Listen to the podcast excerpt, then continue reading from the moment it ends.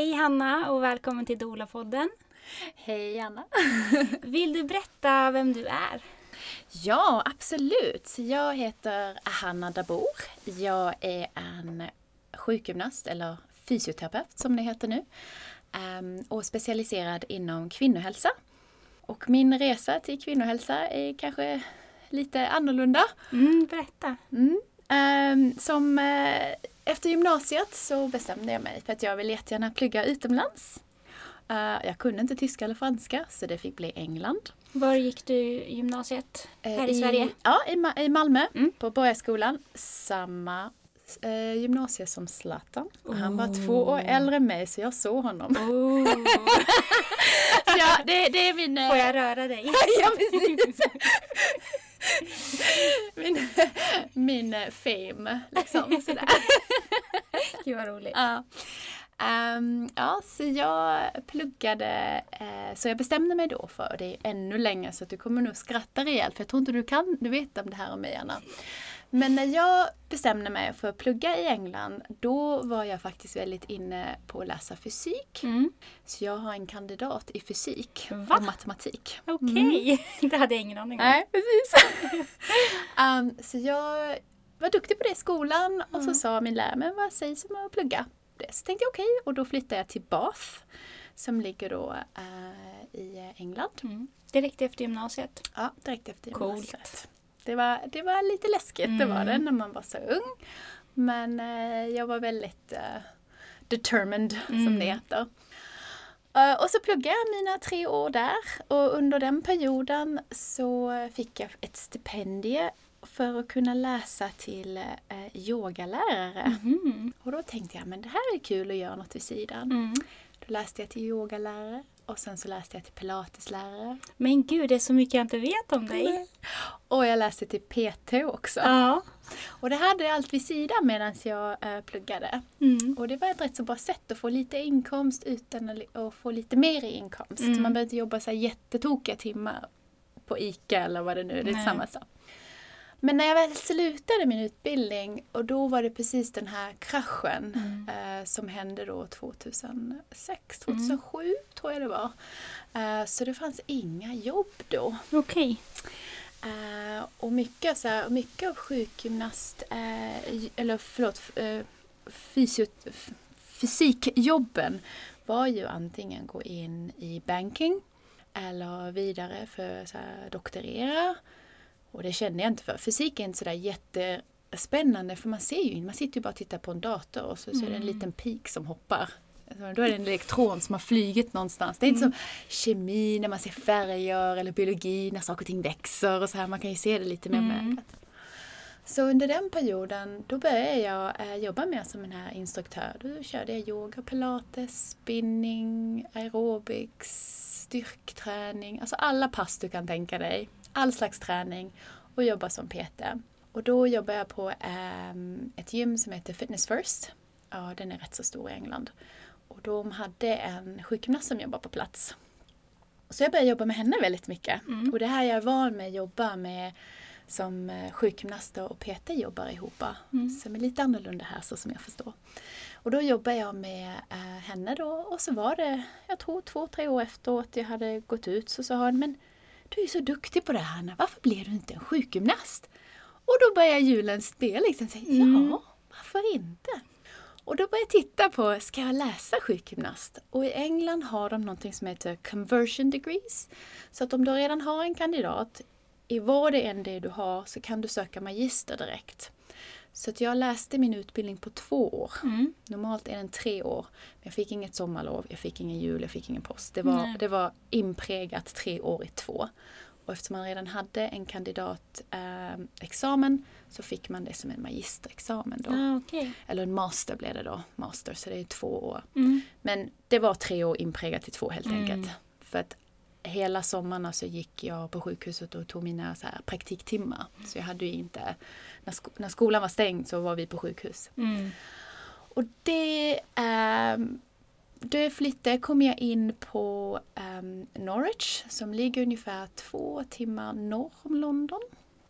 Och så läste jag det där. Och sen stannade jag kvar där lite och jobbade.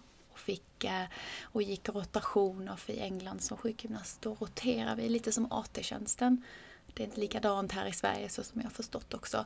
Men då gick jag i neuro och jag jobbade på intensiv och jag jobbade på lite olika ställen men blev kär då i kvinnohälsa där jag fick jobba i, eh, med förlossningsskador, med rehab eh, efter födsel, kejsarsnitt, alltså allt du kan tänka dig har med kvinnor att göra. Och det är kvinnor genom hela åldern. Jag, min yngsta patient jag haft, hon var 12 år gammal och min äldsta var 96. Wow. Så det är ju inte bara kvinnor som har fött barn.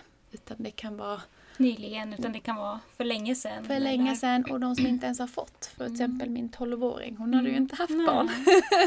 och hon hade bäckenproblem och Ja. läckageproblem.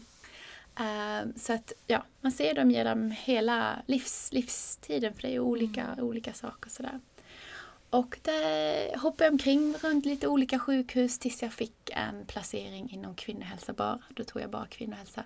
Och i England heter det inte riktigt kvinnohälsa utan det heter pelvic health. För jag träffar män också Okej. som kanske har eh, bäckenbottensproblem. Så det är just med bäckenbottensmärta och just efter prostatacancerkirurgi och sådana grejer. De är inte en stor del av min klientell men jag kan hjälpa om det behövs. Mm. Men det mesta är kvinnor. Eh, så då, och då bestämde jag mig att nej men nu Hanna, nu måste du ta eh, måste fortsätta utbilda dig, tänkte jag. Nu måste du faktiskt bli specialist i detta. Och bli specialist i England kräver en, ett helt år magister på heltid. Ehm, som också är lite annorlunda här, som jag har förstått. Ehm, och då gick, åkte jag till Bradford som ligger eh, norr i England, någonstans ovanför Sheffield, Manchester, mer åt det hållet. Och läste min magister då i kvinnohälsa. Eh, och det var rätt så intensivt det med. Men det var liksom, det känns nästan som jag alltid tillbaks till universitet var fjärde år känns det Mm. som. Eh, lite, det är väl lite om man ska ha ett beroende så är det väl ett bra beroende att ha. Man gillar att verkligen. plugga. Ja, verkligen. Det är alltid jag känner, det är väl det här problemet när man ehm, lär sig någonting. När man läser någonting och så förstår man hur mycket man inte kan och så vill man gå och läsa mer. Och det är liksom det här Alice in a rabbit hole. För man tycker ju mer man kollar desto mer kan man inte och så, så håller man på hela tiden. Mm. Och det är ofta då liksom kan säga så här, jag kan ingenting alls. Och så bara, nej men du kan faktiskt nog lite grejer. Men det är bara ju mer man Ja. liksom gräver så mer tycker man, oj det här måste jag lära mig och det här är bra att veta Mm. och det här är ännu bättre. Och hade jag, hade jag inte behövt sova så hade jag nog liksom läst alla artiklar och lyssnat på alla poddar och allting liksom. Typiskt, man måste sova och återhämta sig. Damn it! Och äta också! Vad är det för trams? Ja, tar så mycket tid. Um, så ja, så jag gjorde det och sen när jag var färdig med den så kom det en fantastisk eh, jobb eh, eh, opportunity för mig att flytta till London. Och då, gick, eh, då jobbade jag på en av de största sjukhusen i London. Vi är ett stort sjukhus med två små och pass, vi är 23 000 i personal. Så det var ju ett jävla stort sjukhus. sjukt. Eh, intensivvården hade de 60 platser. Så att om man ger en korrelation till hur det kanske är på Södersjukhuset. Där är det typ 15 plus eh, 10 tror jag. Så att liksom, det ger liksom storleken Mm. på hur mycket folk. Perspektiv, verkligen. Precis. Mm. Och då eh, jobbade jag på en kvinnoklinik där. Vi var tre kvinnohälsosjukgymnaster på den här kliniken. Tre, kan ni tänka er det? Ja, jobba tillsammans. Jobba tillsammans Wow. med sex läkare varav tre av dem var överläkare. Så det här var ett center som kallades tertiary center, så tredje. Så då har du gått till din allmänläkare, du kanske har blivit skickad till en gynekolog och skickad till och tredje gången kommer du remiss till oss då. Så det är när det är verkligen de mest komplicerade av alla fallen. Mm. Så det var ju himla roligt att liksom få vara med där för det var saker och ting jag aldrig hört talas om. Så jag bara, oj, finns det där liksom? Och då fick man vara med på alla de här eh, mötena och man pratade om patienter och så mycket. Så där fick jag vara.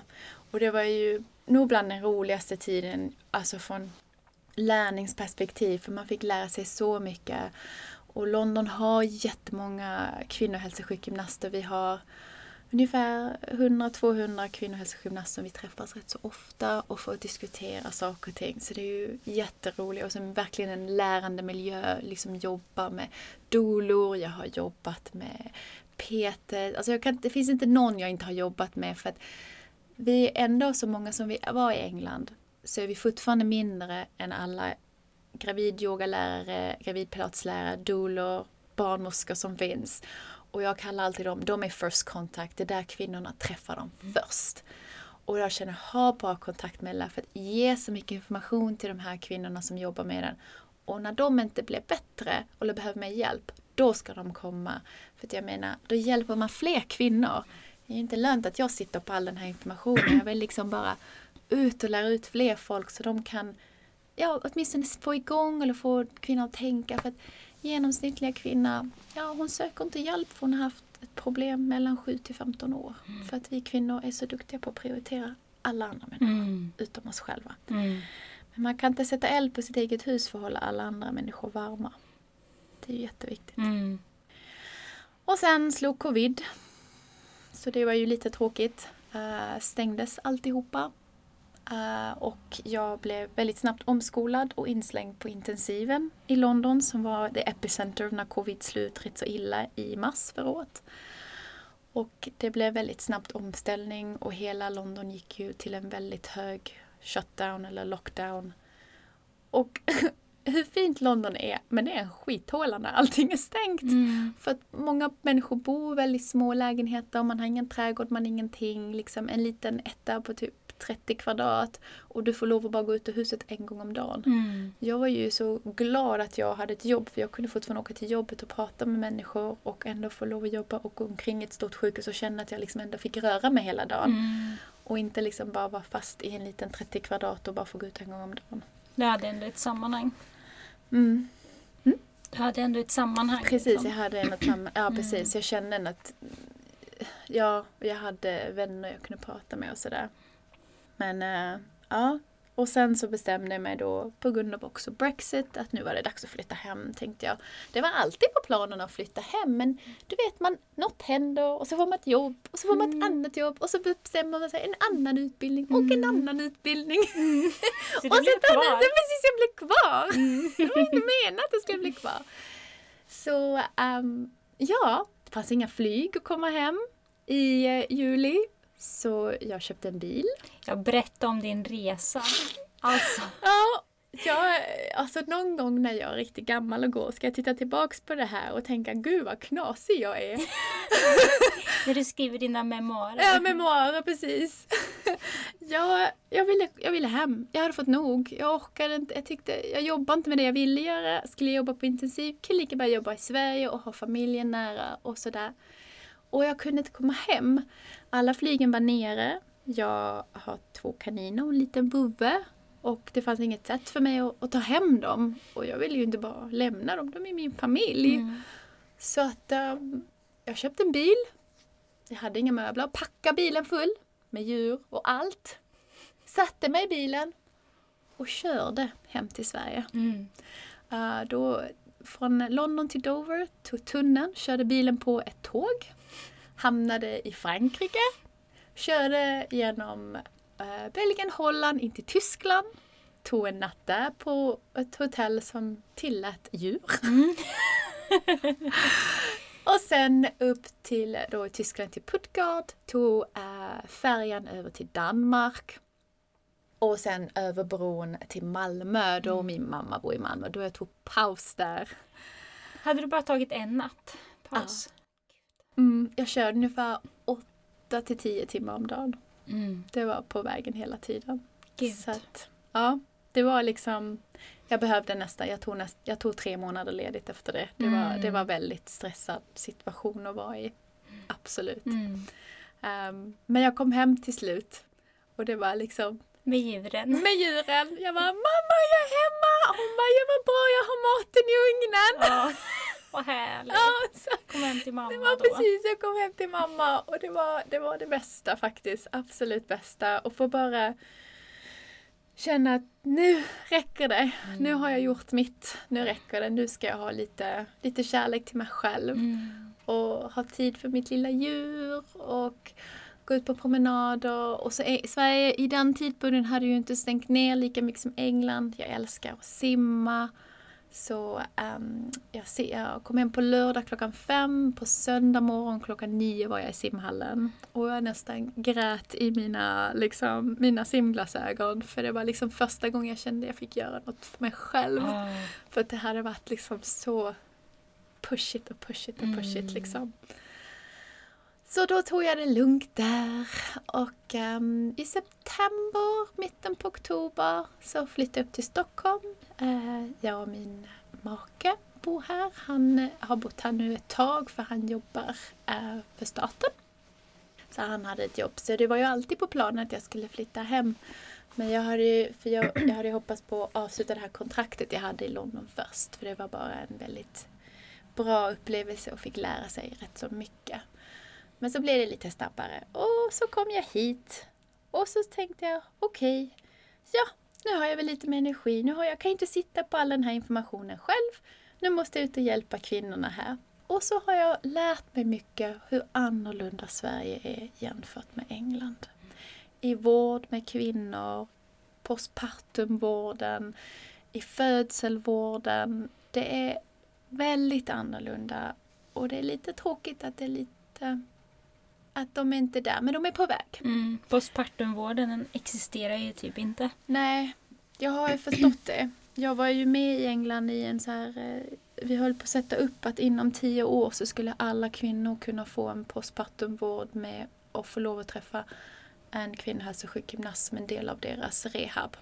Frankrike är ju jätteduktiga. Vi tittar på Frankrike hela tiden för de har deras 6-12 veckor postpartumvård som de får, Mm. eh, alla kvinnor. Så att, ehm, ja, det är lite synd att Mm. Däremot har ju Frankrike lite sämre förlossningsvård. Det är sant. Det är sant. Men åtminstone har de något på andra sidan också. Man kan ju inte ha allt. Men det är väl, man hade varit kul att kunna välja det bästa från alla. Mm. Det som är så svårt ibland det är ändring. Det är, man måste nästan ha in helt nytt folk ibland. Och helt nytt tankeverksamhet. Eller att man har ett tryck från kvinnorna. För att jag tänker på det här ofta och jag tror män hade inte stått ut med lika mycket som vi kvinnor får stå ut med. Nej, verkligen inte. Jag tror inte det. Alltså om en man hade gått på, och nu får du ursäkta mig, gått och kissat på sig 7 till 15 år. Inte hade han väntat 7 till 15 år Nej. innan han hade skaffat hjälp. Nej, gud nej. Och liksom blivit tatt på allvar. Han hade fått hjälp också. Precis. Mm. Och blivit tatt på allvar. Och speciellt liksom med smärta också. Ofta så är kvinnor inte lika tas inte lika mycket på allvar när det gäller smärta. Nej. Utan det blir ofta, ja men vad väntar du? Det är ju kvinna, du har fått Mm. barn och det är mens och så. Alltså man Mm. får sådär att de rycker på axlarna och liksom Mm. tycker att vi, vi liksom, vi är 2021, vi ska inte behöva gå omkring och ha smärta. Så vi är inte liksom Ja, jag, jag förstår inte det. det. Klurar på det jättemycket och jag tycker inte den attityden ska egentligen vara sådär. Att man ska Nej. kunna bli tatt på allvar, tycker jag. Men en fråga som, jag, som kom upp var bara liksom rent så här, hur, hur funkar det med att ha distansförhållande? Ja, Alltså hur länge hade ni det? ska vi se. När det och hur träffades ni? Oh. Om du vill berätta. Ja, absolut. Vi träffades när vi var 16 år gamla. På gymnasiet i Malmö. Mm. Eh, och vi blev tillsammans när vi var eh, 19. Mm. Och så flyttade vi till England tillsammans och bodde där rätt så många år ihop. Och eh, sen har ju han eh, ofta tagit lite jobb i utlandet men då har det varit i perioder. Han har varit borta i sex år, på kontrakt liksom när han har varit iväg och jobbat på olika saker.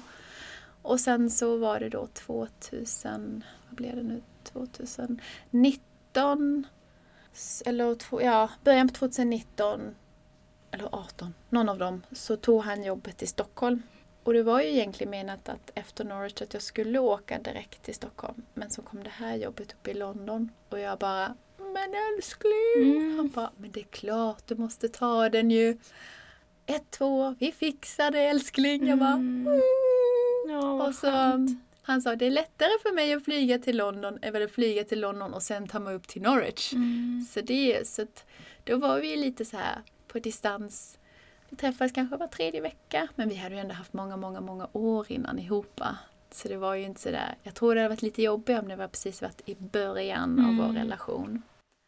Ehm, Nu klarade ni det bra. ja, precis. Men det blev tråkigt när covid hände för alla flyg han hade bokat blev inställda hela tiden. Och då blev det ännu stressigare för då Mm. blev det ju nästan fyra, fem månader och vi var ifrån varandra. Det var jättejobbigt och när man är van att ha en partner som kanske är yin och yang. Jag är ju van, han lagar maten och jag diskar. Mm. Så när han var borta så fortsatte jag diska men jag hade ingen mat. Till slut hade du inget att diska. Ja precis, jag bara stod där. Jag bara, titta så rent mitt hus. Jag bara, ja, men det är bara för att du inte lagar mat. Mm. Liksom, det var, ja. Mm. Så det var, det var inte lätt. Så det är Oj, skönt fyra, fem månader. Det var jättejobbigt. Mm. Det var inte lätt kan jag säga. Nej. Och det var ju stressigt varje gång. Jag trodde han skulle komma på flyget och sen så liksom en halv dag innan så ställde de in flyget. Så man blev liksom bara varenda gång så var man liksom "Åh, fan igen, igen, igen liksom. Så att, um, Mm. Medan alla andra svenskar kanske lämnade England. Han var nog den enda som liksom försökte komma tillbaka. Ja. Eh, bara för att vi skulle försöka liksom kunna komma därifrån tillsammans. Vad har du gjort i Sverige sedan du kom hit? Ja, gud vad har jag gjort? Förutom att ha haft jättetrevlig sommar nere i Skåne. eh, så eh, när jag kom tillbaka så tänkte jag, nu har jag vilat upp mig lite. Och jag har tittat runt lite på vad för jobb det finns och så här. Och jag tänkte just på grund av covid så var allting på is. Och ehm, då tänkte jag okej, men jag har ju all den här informationen. Det kan vara lite bra att dela med sig. Så jag ringde upp alla sjukhusen, eh, sjukgymnastavdelningarna och frågade. Här är jag. De visste ju inte att jag fanns liksom. För Nej. sjukgymnastvärlden är väldigt liten. Alla känner alla. Liksom. Man känner till alla så här. Så de känner ju inte till mig. Så ja, jag tror jag var det. Jag gick på ett möte. Det var inte ens en intervju. Det var ett möte på en fredag och började jobba på måndag. Mm. För det var, det, var, det var tufft för alla som är här, likväl som det var tufft i, eh, i London. Mm. Och så har jag jobbat på Söder och Danderyd. Så jag hoppar lite överallt. Mm. Jobbar på vanlig avdelning och jobbar på intensivvården också. Så inte så mycket om kvinnohälsa. Men och samtidigt så tänkte jag okej, Hanna du måste eh, få upp det här med ditt företag kanske och förklara, liksom knyta lite kontakter och få lite vänskap. Och eh, det var då jag, det var väldigt trevligt hur jag träffade dig Anna. Det var en väldigt så här om, omväg nästan för att Mm. jag, min mans kollegas bästa kompis fru jobbar med, hon är yogalärare och jobbar med bäckenbottensmärta och överspändhet. Eh, Hon har ett Instagramkonto så jag gick in och snokade lite där och tittade. Så jag kontaktade henne och sa hej det är jag och liksom ville träffas och så här. Ja, ja, sa hon då. Ja, men det låter kul. Men liksom, och en annan kvinnohälsosjukgymnast och så här. Och det var en dag som jag hade också kontaktat Linköpings universitet för att jag tänkte jag skulle gå och askultera på deras bäckenbottencentrum. Just för att få lite mer språk, liksom knyta lite kontakter, träffa Eva Usdahl. Och när jag berättade till Eva Usdahl att jag hade jobbat med Linda Cordosa som är hennes liksom kändis. Hon bara åh, blev jätteglad. Åh, du är kändis här. Då har man jobbat lite ihop de med också. Eh, för min chef i London, hon är 70 år och jobbar fortfarande inom kvinnohälsa. Hon är så passionerad om det. Mm. Ehm, så när jag var där så träffade jag henne. Och vi pratade jättemycket ihop och hur liksom, att jättekul att kvinnohälsa, alltså sjukgymnaster och yogalärare, doul och alla ska liksom jobba ihop och få hjälpa med kvinnor. Att man inte ska säga du gör ditt och jag gör mitt. Det här är Nej. liksom, vi är vuxna, vi är inte gymnasie, grundskola. Nej, det här är mitt, det är inte ditt. Så hon satte mig i kontakt med din kollega Susanna Rickman och jag och vi knöt lite mer kontakt just för att hon hade också jobbat i London. Så det var lite kul att liksom vara Mm. de här svenskarna som jobbar i London. Det är faktiskt en hel del, det är typ 100 000 svenskar som är i London. Fick Mm. jag reda på eh, en gång. Tänkte jag, åh, för de har ju, det finns ju en butik som jag brukar ofta gå till som heter Scandinavian Kitchen. Den ligger i London och där kan du få tag i semlor, all så här svenska grejer, knäckebröd, Zoegas kaffe. Svenskar inte kan vara utan. Precis! Lakrits! Ja, precis. Vi vill vara i London men vi vill ändå ha alla svenska grejer. Ja, precis! Det är som svenskar som åker till Thailand. Jag ska banne mig fira jul. Precis. Um, så vi gjorde det och sen så berättade jag till henne lite vad jag gjorde och så här och så sa jag Alltså jag ju, behöver ju kanske någon lokal eller någonting för att kunna göra mitt jobb och kanske potentiellt börja, börja kunna ta patienter eh, liksom med bäckenbotten. Alltså det behöver ju inte alls vara att de har precis fött. Det kan ju bara vara att, eller om de vill bara ha en liten check och kolla att de gör allting rätt. Um, eller att man kanske har någonting man vill jobba med. Liksom bara kunna ha någon som kan svara på frågor och sådär. Så sa han, oh, oh, då måste du träffa min, min kollega Anna. Jag bara, jaha, okej. Okay hon sa, var bor du? Så sa jag, ja men jag bor i, i, i Bromma. Ja men hon har en klinik jättenära dig, i nära Abrahamsberg. Jaha, okej, oh. Och så liksom, så går man in och snokar lite till och läser upp om den andra så här. Och då mejlar jag dig Anna. Hej Anna! Jag heter Hanna.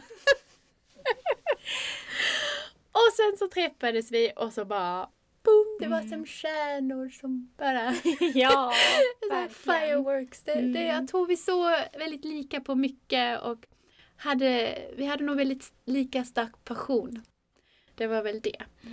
Och sen så, ja, och så har jag nu börjat jobba här på Doula-tiden och det har varit jättekul att liksom börja liksom landa lite sakta, knyta lite kontakter. Det är ju sån väldigt så här, jag gillar studien för den känns inte så medicinsk. För jag i England använder aldrig en gynstol till exempel. Nej. För jag tycker det är något som behövs just när man jobbar med, med rehab. För jag måste ju se hur du kan röra dig fritt och inte sitta i den här gynstolen med stirrups och benen i en viss position. Det låser ju höften och allting Mm. så det ger mig inte en funktionell rörelse av vad bäckenbotten kan göra.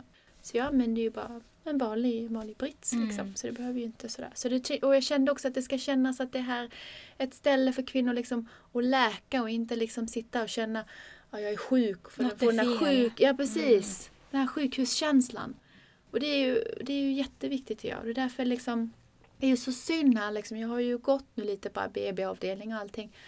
Och de ser ju så sjukhusaktiga. Mm. Som är väldigt annorlunda för jag kommer ihåg, för vi har ju liksom i England har man ju hemmafödsel men man, man har ju också på avdelning. Men sen har man ju den här intermediära som är de liksom som heter då ehm, birth units heter det Mm. bara. Och det kan ju vara Barnmorskeledd enhet. då. Precis.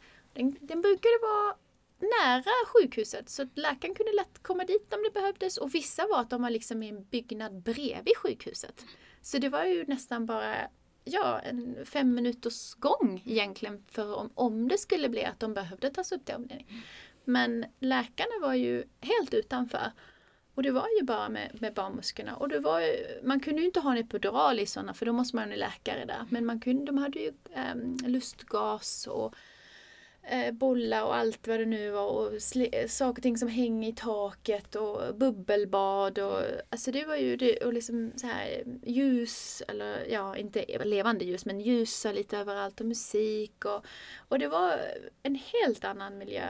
Gud, jag blir så ledsen för att det Mm. finns ju inte här. Och jag Mm. bara, det är som en dröm att tänka på det där. Och Mm. se liksom vad... Det är som att här tycker vi nästan att det är så för lyxigt att kvinnor ska få det. Man bara, alltså...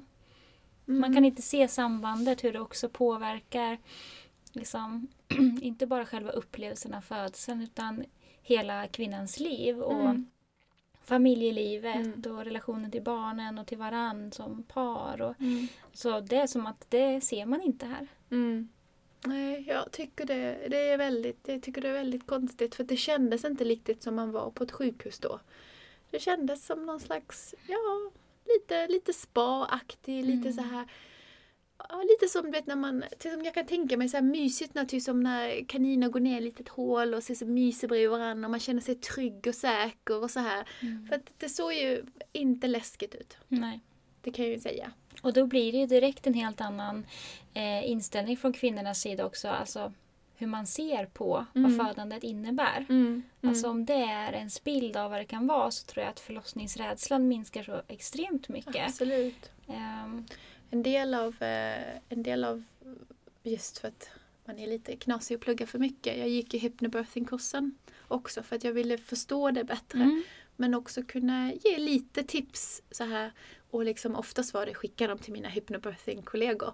Men, eh, och då var det mycket kunde jag säga till de som kanske kom de kom ju till mig för kanske att de hade någon bäckensmärta och hade rädsla för förlossning och kanske förlossningsskador och så här. Och då sa jag liksom oftast till dem, gå och titta på stället när ni ska föda.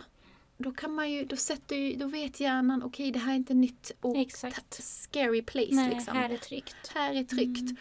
Och många tyckte det var och många barnmorskor på de här äh, mödralesscenterna hade inga, ja, absolut, vi har ett rum som är ledigt, det är ingen som föder där, du kan få gå in och titta. Det är inte säkert att du kommer få det här rummet, men de flesta rummen ser ut så här. Ja. Och så var det ofta att de gick med deras partner eller med deras vän eller vem det nu var som skulle vara deras eh, birth companion.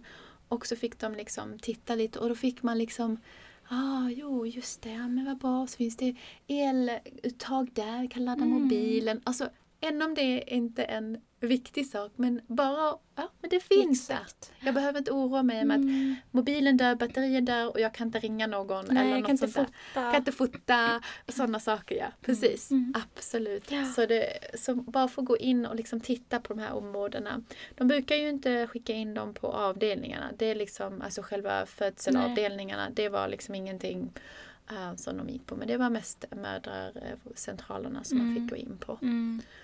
Um, så det, och jag tycker det är jättekonstigt att de inte finns här. Mm. Speciellt om det finns hemmafödslar. Men jag förstår inte Finns inget alla. mitt emellan. Nej, men det är inte alla regioner heller som erbjuder hemfödslar. Nej, alltså här. det är ju bara i Stockholm som man kan få det finansierat via ett sjukhus som är Huddinge då, KS Huddinge.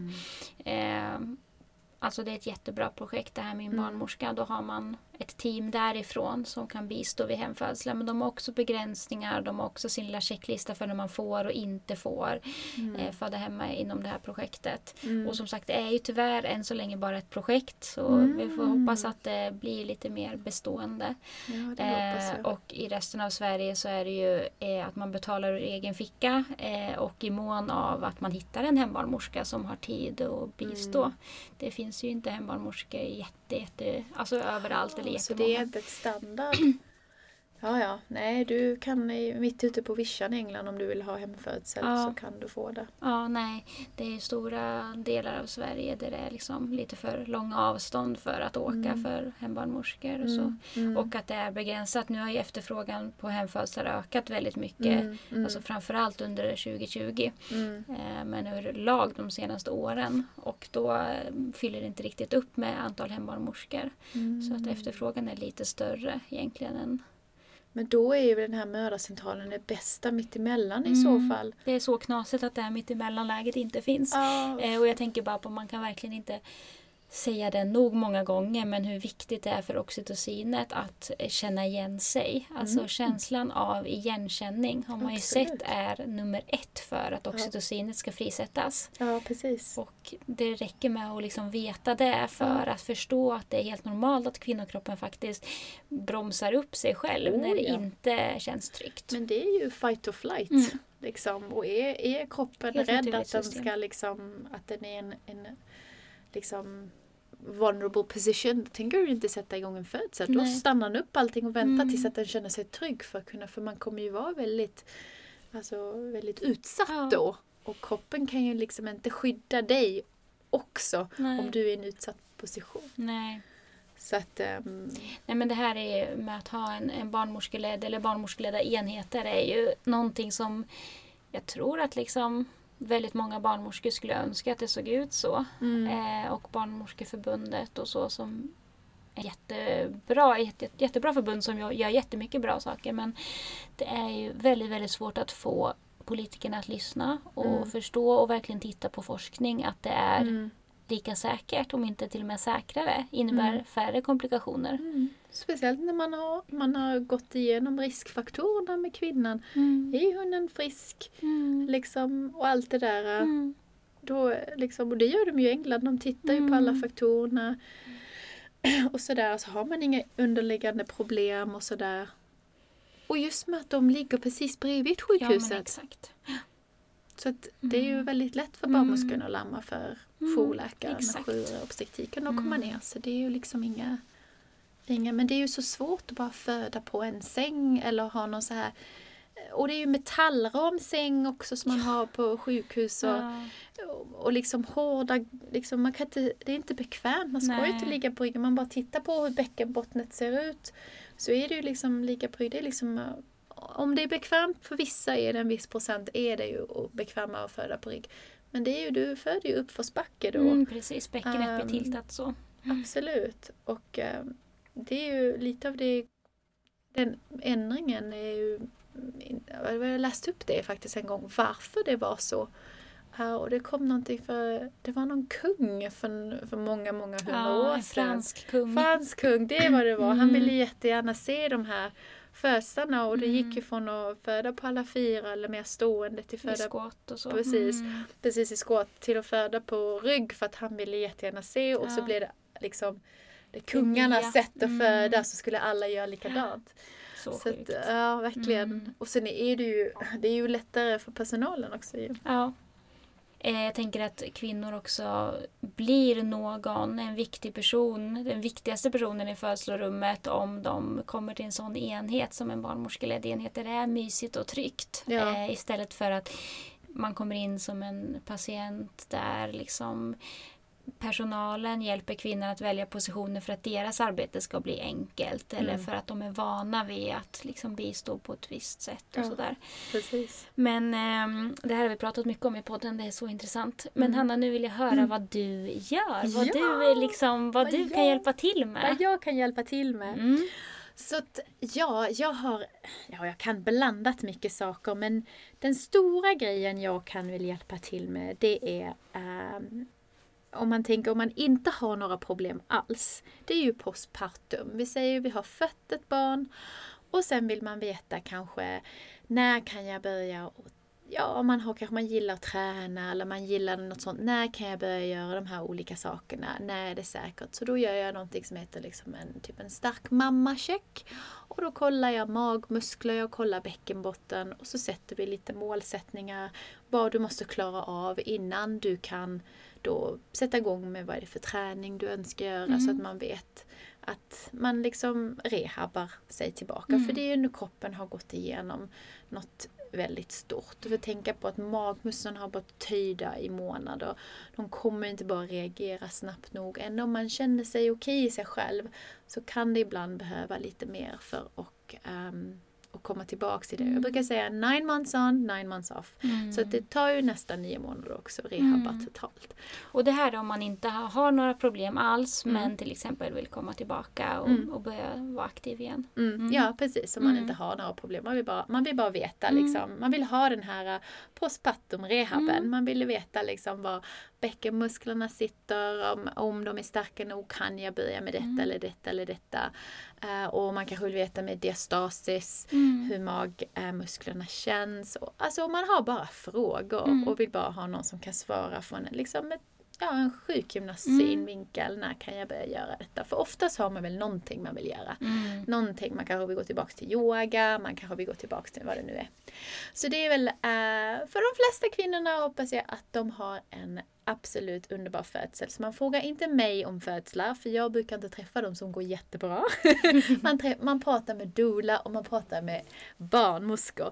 De har de här the positive birth stories. Så när, när jag väl får, får sådana frågor så säger jag, gå och prata med Anna eller prata med någon av dem, för de kan de här underbara historierna. Det är de ni ska lyssna på, ni ska inte lyssna på mig. Och kanske inte barnmorskor som jobbar på stora akutsjukhus. Nej, precis, många, precis. Många komplicerade födslar som, som absolut. blir det i onödan.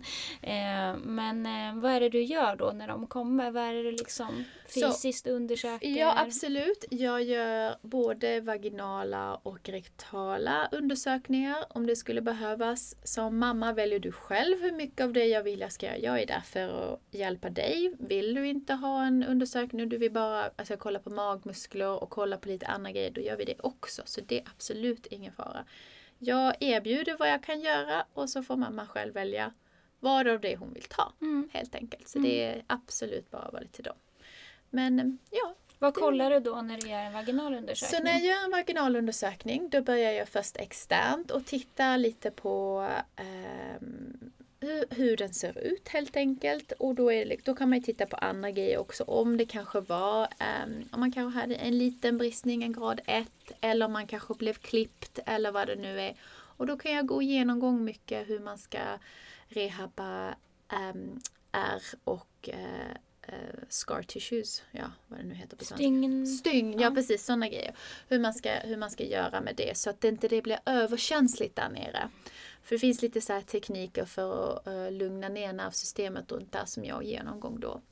Sen är det ett, ett finger in i vagina och så kanske jag känner runt i en cirkel. Och då frågar jag om det är någonting som gör ont.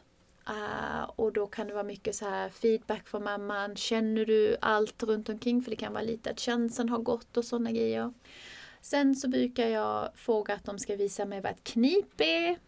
Och sen därifrån kan jag då coacha om jag märker att knipet är fel eller om det är eller att det kanske att det är ett krysta istället de gör eller vad det nu är, liksom, eller att de håller andan. Mm. Och sen så kan jag också gradera hur starkt knipet är. Jag kan kolla om det är ett framfall av något slag också, och gradera det också.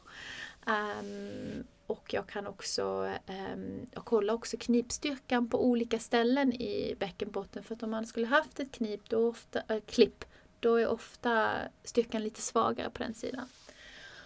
Och utifrån, eh, och har man då eh, kanske om man skulle haft någon av de större bristningarna då brukar jag oftast rekommendera en, en rektal eh, undersökning för att kolla hur starkt själva svinkstern är av eh, ändtarmen så att vi ser att styrkan är bra där också. Mm. Och en rektal undersökning det är alltså via ändtarmen? Via ändtarmen, ett finger i, i ändtarmen och det är likadant för, för känna knipet där för bäckenmusklerna går ju runt hela.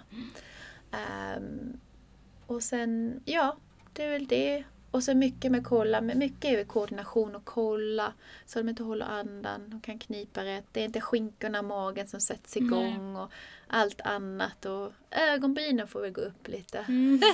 när de kniper. Mm. Men gud, det låter så spännande Mm, att mm. kunna liksom känna eh, och guida mamman var knipet är liksom och det här med att vissa områden kan vara liksom mindre känsel på och ehm, Alltså så viktigt för Mm. mammor att själva så komma i kontakt med det här området igen. Precis. Och mycket oftast är det frågor de frågar som ser det normalt ut där nere? Hur, liksom, jag tycker det ser lite mer öppet ut. Men det, allt det där beror på vart ni är i den postpartumperioden. Att jag har haft kvinnor som har sagt att oh, jag känner ett framfall. Ja men du är bara två veckor postpartum. Ja. Det nästan lite normalt. Det hade varit lite konstigt om du inte hade det då Mm. vid den perioden. Någon så. Precis. Mm. Och det är då man ska liksom anpassa saker och ting man gör så inte det blir för jobbigt med den Mm. tyngdkänslan. Just för att, ja, hur, hur bäckenbotten, för de bäckenbottensmusklerna de stretchas 250 procent Mm. under en födsel. Det är liksom som du skulle snurra axeln två gånger i cirklar liksom och sen tycka varför funkar inte den här axeln så bra? Mm. Men ändå så finns det många kvinnor som blir, alltså det, Ja. det kommer tillbaka. Att vi, kroppen är ju så fantastisk att den Mm. kan göra sånt här. Liksom, Så mycket som går tillbaka om Precis. man har lite tålamod och vet Precis. hur man ska hjälpa den. Absolut. Så jag brukar kalla det här typ fjärde trimestern om Ja, man säger så. precis. Den här, de här tre månaderna efteråt Mm. där man ska ge kroppen den här tiden att återhämta sig och få Mm. lite Ja, alltså få lite så allmän information. Är man kanske förstoppad så kan jag genomgå lite tekniker med det. Mm. Så man liksom inte sätter tryck på bäckenbottensmusklerna. Känner man att man inte tömmer blåsan ordentligt så är det lite andra tekniker jag kan Mm. visa och prata igenom Mm. det. Ehm, har man efter kejsarsnitt så kan jag gå igenom hur man ska få det där och liksom inte känna så det stramar så mycket. Mm. Och, och när man kan börja behandla det liksom så att det Mm. liksom lugnar sig. Sen kan det vara andra saker, det behöver inte helst vara i bäckenbotten. Det kan vara till exempel mastit om man har liksom ont med brösten och sådana grejer. Kanske axel eh, för att man, eh, man ammar i så här positioner som inte är sådär idealt. Då kan jag ju kanske gå igenom lite axelövningar och förklara liksom hur, och lite sådana grejer. Det är väldigt individuellt från mamma till mamma. Vad är det Mm. hon vill vad, vad hon vill. Så det är vad ni vill ha av mig helt enkelt. Mm. Jag har mycket att erbjuda och jag, och jag tänker det är alltid viktigast att satsa på det som mamman tycker är viktigast. Mm. Och sen så kan jag ju tillkomma med vissa grejer jag tycker är viktigt också. Men jag brukar alltid försöka att gå igenom det vad mammorna tycker är viktigast. Mm. Absolut.